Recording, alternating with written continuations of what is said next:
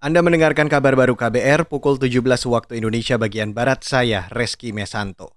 Saudara, Lembaga Pemantau Lapor COVID-19 mengingatkan potensi meningkatnya kematian COVID-19 di luar Jawa Bali. Salah satu inisiator lapor COVID-19, Ahmad Arif, mengatakan perlu ada antisipasi penularan terhadap kelompok rentan seperti lansia dan yang memiliki komorbid. Jika tidak, resiko kematian akan mengancam. Tapi kita perlu lebih hati-hati untuk daerah luar Jawa sebenarnya kalau menurut kami ya. Karena kalau kita overlay dengan daerah kelompok rentan terutama kelompok-kelompok yang belum divaksin itu kan paling banyak di luar Jawa ya. Daerah Indonesia Timur, Papua, Maluku, termasuk bahkan di Sumatera ya, Aceh, Sumatera Barat itu juga masih kurang cakupan vaksinnya. Sehingga kalau kami melihat ke depan yang perlu agak lebih hati-hati kalau Omikron ini meluas di daerah-daerah yang cakupan vaksinnya relatif rendah, kelompok lansia yang belum divaksinnya banyak misalnya, nah itu yang harus lebih hati-hati. Ahmad Arif menambahkan masyarakat perlu memahami bahwa varian Omikron tetap bisa berbahaya jika menginfeksi orang dengan kondisi tertentu. Misalnya, belum divaksin dan memiliki penyakit penyerta. Dia mendorong puskesmas mengoptimalkan tes, pelacakan, dan penanganan dini terhadap pasien COVID-19. Beralih ke berita selanjutnya, Saudara. Menteri Dalam Negeri atau Mendagri Tito Karnavian mengungkapkan sempat ada persaingan kenaikan pangkat di tubuh Polri semasa dirinya menjabat Kapolri.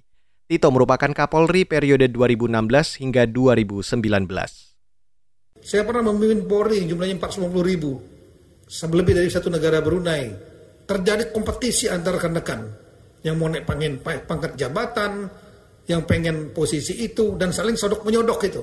Dicari kesalahannya, laporin. Cari kesalahannya surat kaleng, anonim, segala macam. Itu terjadi dan natural.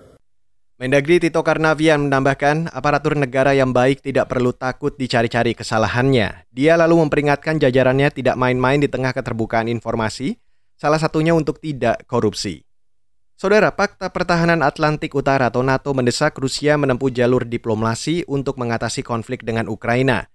Mengutip antara, Sekjen NATO Jens Stoltenberg menyebut, saat ini adalah momen paling berbahaya bagi keamanan Eropa. Stoltenberg menekankan, Eropa dan Amerika Utara akan bersama NATO untuk saling melindungi. Kata dia, NATO sudah menempatkan kekuatan respon atau NATO Response Force dengan menyiagakan 100 pesawat dan 120 kapal. Namun saat ini belum terlambat bagi Rusia untuk memilih jalur diplomasi ketimbang agresi. Sebelumnya, Rusia mengakui dua kota di Ukraina yakni Lugansk dan Donetsk sebagai negara merdeka. Pengakuan itu dinilai mempercepat krisis yang dikhawatirkan bakal memicu perang besar. Sejumlah negara juga sudah menjatuhkan sanksi ke Rusia seperti Amerika Serikat.